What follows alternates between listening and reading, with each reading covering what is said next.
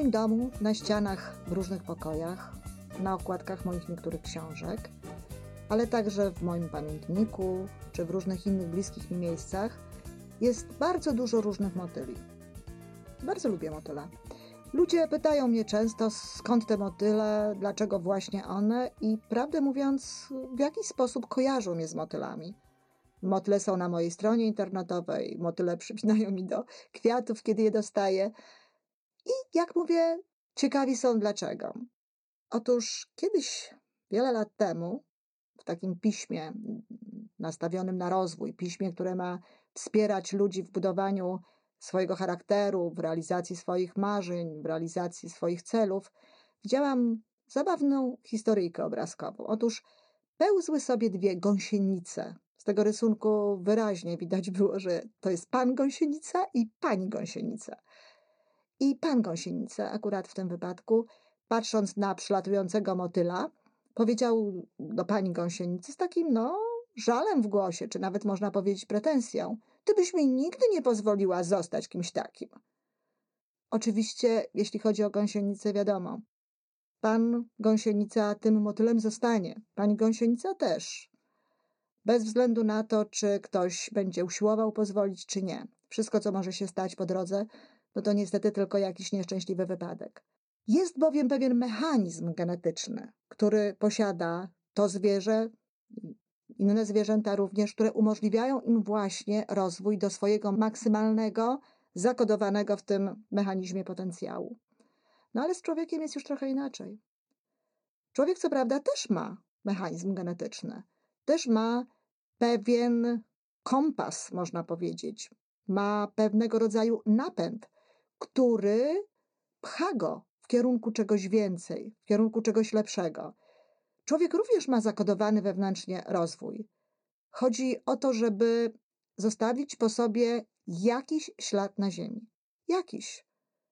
Patrząc na przykład na ludzi, no, o których nie wiemy specjalnie nic wielkiego, żeby dokonali jakichś nadzwyczajnych rzeczy, żeby dokonali czegoś istotnie dobrego, można by się było zastanawiać, hej, no jak to rzeczywiście? Każdy ma jakiś taki napęd, każdy chce zostawić coś dobrego? Otóż każdy. Tylko ludzie bardzo różnie się do tego zabierają i nie zawsze wiedząc o tym, że mają sobie taki mechanizm i że ten mechanizm mnie do czegoś popycha, no robią pewne rzeczy jak gdyby nieświadomie.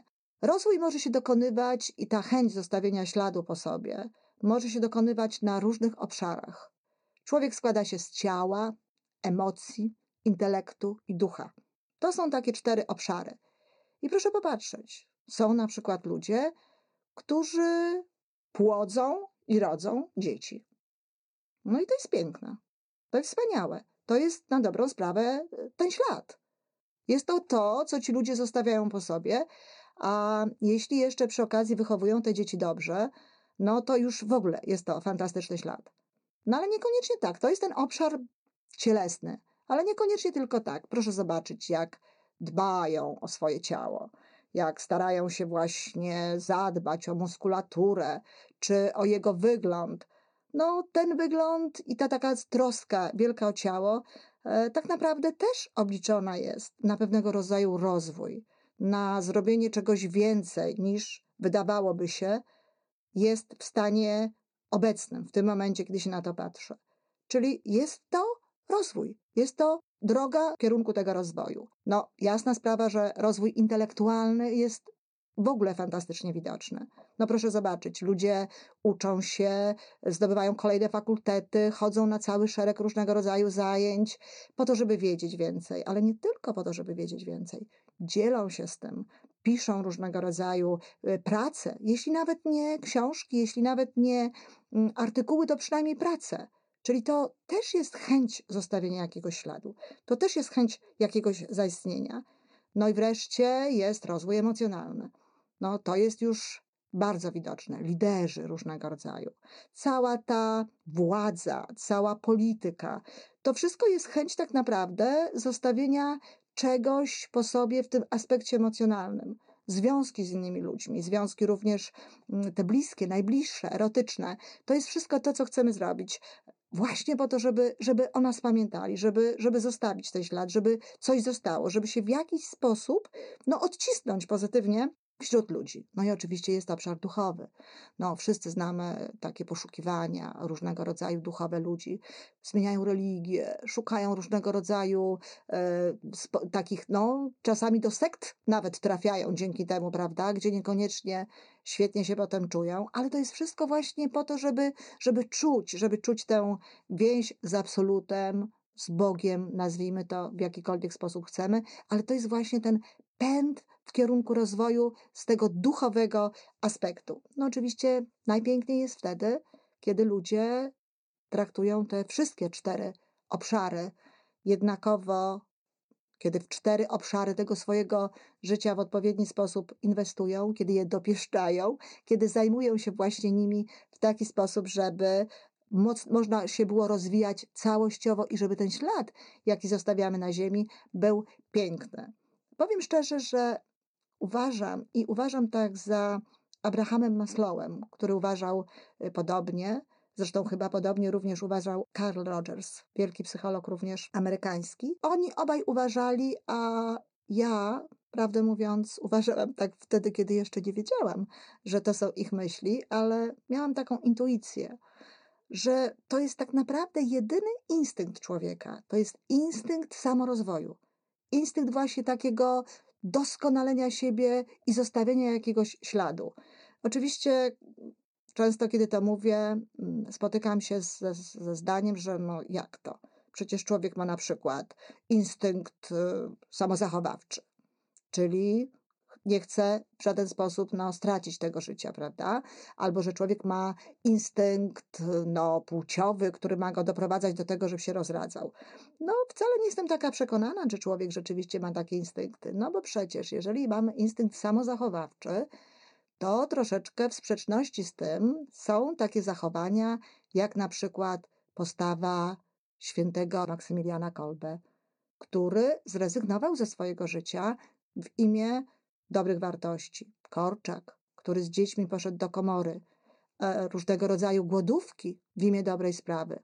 Czyli chyba nie mamy takiego instynktu, skoro za sprawą swojej świadomości, za sprawą swoich człowieczych przekonań, jesteśmy w stanie nad tym zapanować i robić coś zupełnie innego. No, z tym instynktem takim seksualnym i takim popędem płciowym to też jest chyba coś nie tak. Bo przecież są ludzie, którzy sami dobrowolnie zgadzają się na celibat. Są osoby, są małżeństwa nawet, tak zwane białe małżeństwa, które rezygnują z tego, no, z różnych powodów, po to właśnie, żeby jakieś inne ważne dla nich idee miały w tym momencie pierwszeństwo. I jeśli popatrzymy na człowieka, to na dobrą sprawę tak jest w każdej sytuacji. Czyli człowiek tak naprawdę opanował swoją, swoją, swoim człowieczeństwem, opanował swoje instynkty, ale ten, który nam został, to jest właśnie instynkt samorozwoju i bardzo dobrze nam został, dlatego że to powoduje, że rzeczywiście możemy do, doskonalić swoje życie i możemy stawać się coraz wspanialsi, coraz lepsi. Dlaczego warto z tego instynktu korzystać w sposób świadomy? Bo jak mówię, Wszyscy to robimy świadomie, nieświadomie. Każdy gdzieś w stronę takiego słońca idzie, gdzieś idzie w stronę właśnie tego lepszego, czego nawet nie potrafi e, w jakiś sposób określić, nazwać, zidentyfikować. Dlaczego powinniśmy to robić? W dzisiejszych czasach powinniśmy to robić świadomie, a to z tej prostej przyczyny, że cywilizacja nas przerosła. Cywilizacja przerosła możliwości człowieka. Człowiek rozwija się prawdopodobnie ciągle w swoim jakimś e, tempie, które gdzieś mu tam zostało przypisane, ale w jakimś momencie mózg, wytwory związane z pracą tego mózgu, cywilizacyjne, kulturowe, e, sposób pracy, sposób w jaki się uczymy, w jaki e, społeczeństwo się rozwinęło, nas przerósł. Dzisiaj nie wystarczy bazować tylko na tym, co żeśmy posiedli w zgodzie z urodzeniem, w zgodzie z naszym wyposażeniem. Weźmy chociażby przysłowia. Są różnego rodzaju przysłowia, które z całą pewnością były kiedyś mądrością narodów. Kiedyś. Tak się bardzo często mówi, prawda, że przysłowia są mądrością narodów. No, nie wiem, czy taka mądrość typu stój w kącie, znajdą cię, ma dzisiaj zastosowanie. No, obawiam się, że nie. I to właśnie dlatego, że ta cywilizacja nas wyprzedziła.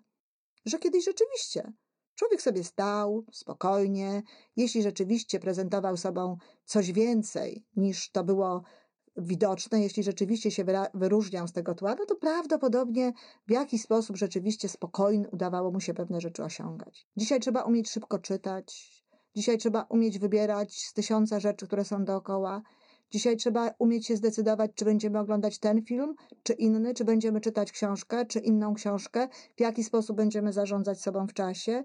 Dzisiaj trzeba zadbać o swoje poczucie własnej wartości, żeby właśnie na rynku móc utrzymać się tam, gdzie chcielibyśmy się utrzymać, żeby móc, no cóż, konkurować z innymi ludźmi w pewnym zakresie, w pewnych działaniach, które sobie wybraliśmy. I w związku z tym tak ważną sprawą jest, żeby przejąć tę odpowiedzialność za rozwój na siebie, żeby nie uważać, że wyposażenie genetyczne z całą pewnością doprowadzi nas samo do takiego punktu, do jakiego chcielibyśmy, że rzeczywiście, żeby nas doprowadziło. Co to znaczy świadomy rozwój? No, bo to też tak łatwo powiedzieć, prawda? Rozwój, rozwija się świadomie, pięknie, ale w jaki sposób masz się świadomie rozwijać? Otóż przede wszystkim trzeba sobie zdawać sprawę z tego, że te podstawy do tego rozwoju każdy z nas ma w sobie. Abstrahując od tego, że mamy pewien kapitał zdolności, talentów, umiejętności, i tutaj się różnimy. Tu się różnimy. Nie wszyscy mają taki sam kapitał, nie wszyscy mają takie same możliwości. W związku z tym, no, nie każdy może robić dokładnie to samo, co wszyscy inni. To nie znaczy, że każdy może robić wszystko, ale każdy może robić coś wielkiego, coś wspaniałego, to, co jest jego pragnieniem. Natomiast to, co mamy wszyscy, no to są takie cztery dary, które dostaliśmy od Możemy to nazwać w, w, zależności od tego, jaki jest nasz światopogląd. Jedni ludzie powiedzą od Boga, inni ludzie powiedzą od natury. Obojętnie, jakbyśmy to mówili, w każdym razie dostaliśmy to rzeczywiście. Jakie to są talenty, czy jakie to są umiejętności, czy zdolności? Jest to po pierwsze samoświadomość, po drugie sumienie, po trzecie wyobraźnia i po czwarte wola. I to ma każdy człowiek. Nie ma nikogo na świecie, kto by tego nie miał. Każdy ma samoświadomość, każdy ma sumienie, tak, tak. Każdy ma wyobraźnię i każdy ma wolę. Co to jest samoświadomość? Najprościej powiedzieć o tym w taki sposób: staję obok siebie, czy siedzę obok siebie, jak gdyby, i patrzę na to, co w tym momencie robię. Ja mówiąc teraz to do Państwa, oczywiście w pewnych momentach tak bardzo w to wchodzę, że zapominam o tym, że siedzę w studio, że robię coś po raz pierwszy, tak, tak, bo ulegam swoim emocjom, ulegam temu zadaniu, które wykonuję. Ale w tym momencie właśnie, po to, żeby razem z Państwem wyobrażać sobie, co to jest samoświadomość, patrzę na siebie obok. Patrzę, jak siedzę, patrzę, jak to wszystko wygląda dookoła. Patrzę, że mimo, że nikt na mnie nie patrzy, ciągle ruszam rękami, i to jest ta samoświadomość. Czyli mogę gdzieś z boku popatrzeć na siebie, popatrzeć na to, jak mówię, popatrzeć na to, jak się zachowuję. I dokładnie o to chodzi.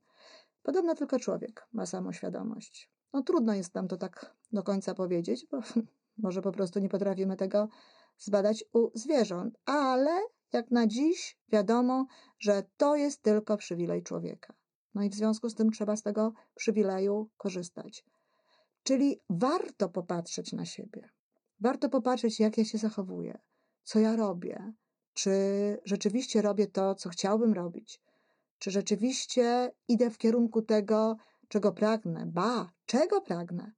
To też jest samoświadomość, to jest poznanie siebie, poznanie tego, co jest we mnie. Druga część. Druga część to jest sumienie. Sumienie znowu ludzie bardzo różnie rozumieją. Mówią czasami, ty nie masz sumienia. Nie, nie, każdy ma sumienie. Każdy ma sumienie. Sumienie niekoniecznie musi się łączyć e, z wymiarem moralnym, z wymiarem, czy to jest w sensie moralnym dobre, czy złe.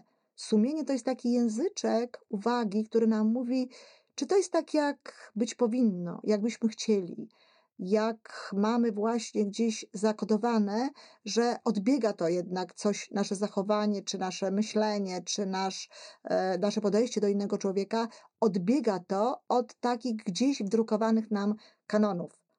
I do czego nam to sumienie jest potrzebne? No do tego, żebyśmy właśnie patrząc, używając samoświadomości, patrząc na siebie, za sprawą tego sumienia stwierdzili, no czy to jest tak, jak ja bym chciał czy to jest dobrze? Czy ja rzeczywiście wystarczająco dużo pracuję? Czy ja rzeczywiście mówię dobrze o innych ludziach? Czy ja rzeczywiście myślę dobrze o sobie? Czy rzeczywiście dbam o siebie? Czy dbam o, o swoje ciało? Czy dbam o swoje emocje? Czy dbam o swój intelekt? Czy dbam o swojego ducha? Czy rzeczywiście robię wszystko, żebym naprawdę był szczęśliwy? Czy rzeczywiście robię wszystko, żebym odnosił sukcesy, takich jakich pragnę? To jest sumienie. No i nie muszę mówić, że to bardzo ważne, żeby użyć tego sumienia w taki sposób, żeby rzeczywiście popatrzeć na siebie, no, w miarę, w miarę, na ile nas jest stać obiektywnie. To nigdy nie będzie obiektywne, bo jesteśmy sami sobą, jesteśmy sobie zbyt bliscy, żebyśmy mogli popatrzeć obiektywnie zresztą. Ludzie nawet na inne zjawiska obiektywnie popatrzeć nie mogą, ale trzeba się starać, żeby rzeczywiście sprowadzić tę naszą ocenę za sprawą tego sumienia no, do takiej oceny uczciwej, prawdziwej. Jeśli się tego, z tego sumienia skorzysta naprawdę właściwie, to ta ocena będzie. Trzeci element tego naszego wyposażenia to jest wyobraźnia. Wyobraźnia potrzebna nam jest po to, żebyśmy sobie stworzyli teraz obraz człowieka takiego, jakim chcielibyśmy być. No bo samoświadomość nam pokazała, jacy jesteśmy. Sumienie nam pokazało, czy to jest dobrze, czy to jest źle. Czy to jest tak, jak chcielibyśmy, żeby było, czy to nie jest tak, jak chcielibyśmy, żeby było. No a teraz wyobraźnię mamy po to, żebyśmy sobie wyobrazili, jacy chcielibyśmy być co chcielibyśmy robić, w jaki sposób byśmy się chcieli zachowywać, żeby mieć właśnie tę zgodność, to przyzwolenie sumienia na to, jacy jesteśmy, na to, jak się zachowujemy. Po to jest wyobraźnia. I naprawdę można sobie wyobrażać dokładnie tak, jak tego pragniemy. Ale ani trochę więcej, tylko dokładnie tak, jak tego pragniemy. Bo jeśli człowiek wyobraża sobie więcej niż pragnie, to wychodzi jak gdyby właśnie poza obszar tego swojego potencjału. Natomiast jeśli wyobraża sobie tak, jak to rzeczywiście jest w jego wnętrzu, tak jak rzeczywiście czuje, że mogłoby być, to zazwyczaj jest bardzo bliski tego swojego środka, tego swojego prawdziwego ja. I jest czwarty element wola. A no właśnie. I to jest to. Każdy z nas ma wolę. Ludzie czasami mówią, że nie mają silnej woli. Tak się często zdarza po moich zajęciach. Ktoś do mnie przychodzi mówi, Pani Wano, świetne, super, bardzo mi się podoba, ale wie Pani co, ja nie mam silnej woli. Otóż wszyscy mają wolę. Czy mają silną? To zależy od tego, w jaki sposób postępują i co z tą wolą robią.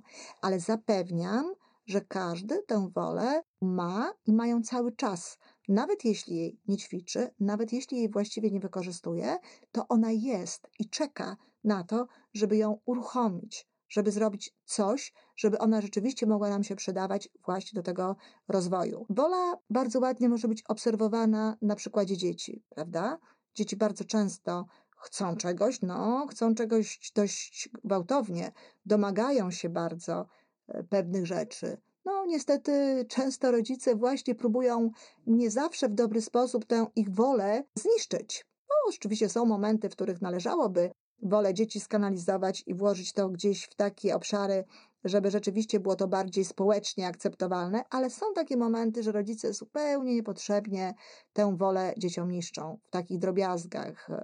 Jak się mają ubrać, co mają zrobić, czy mają jeść w tym momencie, czy nie. To są rzeczy, gdzie często nagina się je właśnie do pewnych zachowań, które są wbrew nim, i jakby one przekonują się, że właśnie nie warto korzystać z tej woli, że ta wola nic nie daje, no i uczą się troszeczkę działać w zgodzie z tym, czego wymaga od nich społeczeństwo, zapominając, że mają gdzieś w sobie pragnienia, że mają gdzieś w sobie bardzo ważne rzeczy i że mają w sobie siłę, żeby do tego dążyć. Natomiast w życiu dorosłym wolę ćwiczy się poprzez dawanie obietnic sobie i dotrzymywanie tych obietnic. Wolę ćwiczy się właśnie w taki sposób, że zamierza się coś zrobić, mówi się o tym innym albo mówi się o tym sobie, że ma się zamiar to zrobić i rzeczywiście się to robi. Rzeczywiście się to robi. To jest bardzo ważne, żeby pamiętać o tym, że ilekroć obiecujemy coś i spełniamy tę obietnicę, to właśnie wzmacniamy naszą wolę, a ilekroć nie spełniamy tej obietnicy, niestety ją osłabiamy.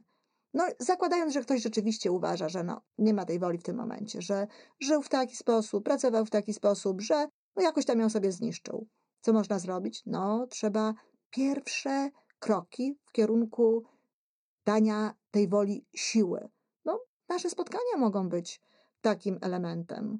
Możecie Państwo właśnie w tym momencie postanowić, że będziecie przerabiać ze mną to, o co proszę, że będziecie robić te ćwiczenia, które będę podawała, że założycie na przykład zeszycik, czy jakiś inny e, sposób, w jakiś inny sposób będziecie notować to, o co proszę, robić pewnego rodzaju ćwiczenia i obserwować postęp.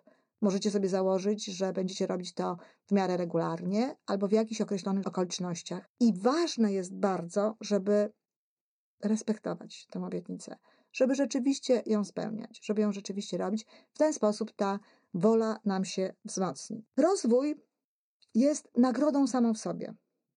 To jest tak, że kiedy człowiek zaczyna w sposób świadomy, nie chcę używać słowa kontrolowany, bo niektórym ludziom kontrola kojarzy się z czymś przykrym. No ale jeżeli to jest samo kontrola, to może nawet i to słowo nie wydaje się takie przykre, ale proszę mi wierzyć, jeśli się przejmuje właśnie nad sobą samokontrolę, jeżeli się zaczyna samemu rozwijać, jeżeli stawia się przed sobą zadania, dokładnie się obserwuje, jak rozwija się ta sytuacja, bardzo szybko.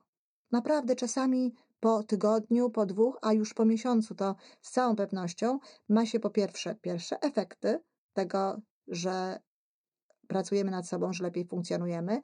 Po drugie, są ludzie, którzy mówią nam o tym, że widzą, że coś się dobrego u nas dzieje, że się zmieniamy, że zachodzą jakieś zmiany, a wreszcie my sami czujemy się bardzo dobrze. Mamy bardzo dużo energii, bardziej się lubimy, Pewnie zdrowsi też jesteśmy w związku z tym, no, bo kiedy człowiek jest zajęty dobrymi rzeczami, kiedy cieszy się z tego, co robi, wówczas jego system immunologiczny pracuje zdecydowanie lepiej i to także objawia się w taki sposób. Dlatego bardzo serdecznie zachęcam wszystkich do, do rozwoju, do przeżycia tych kilku spotkań ze mną, wykonania kilku ćwiczeń i w związku z tym przeżycia właśnie tego zjawiska, tego doświadczenia, które, jak mówię, jest ze wszech miar pozytywne. Pierwszą rzeczą, jaką proponuję, żeby zrobić, to proponuję kupić sobie piękny zeszyt. To pewno jest szczególnie ważne dla pań. Panowie pewno nie mają takiej potrzeby, żeby zeszyt był jakiś wyjątkowo piękny, no więc może być zwykły w kratkę, byleby był. Nie trzeba go nazywać pamiętnikiem. Panie pewnie mogą sobie nazwać pamiętnikiem. Można go nazwać dziennikiem pokładowym, jak panowie chcą.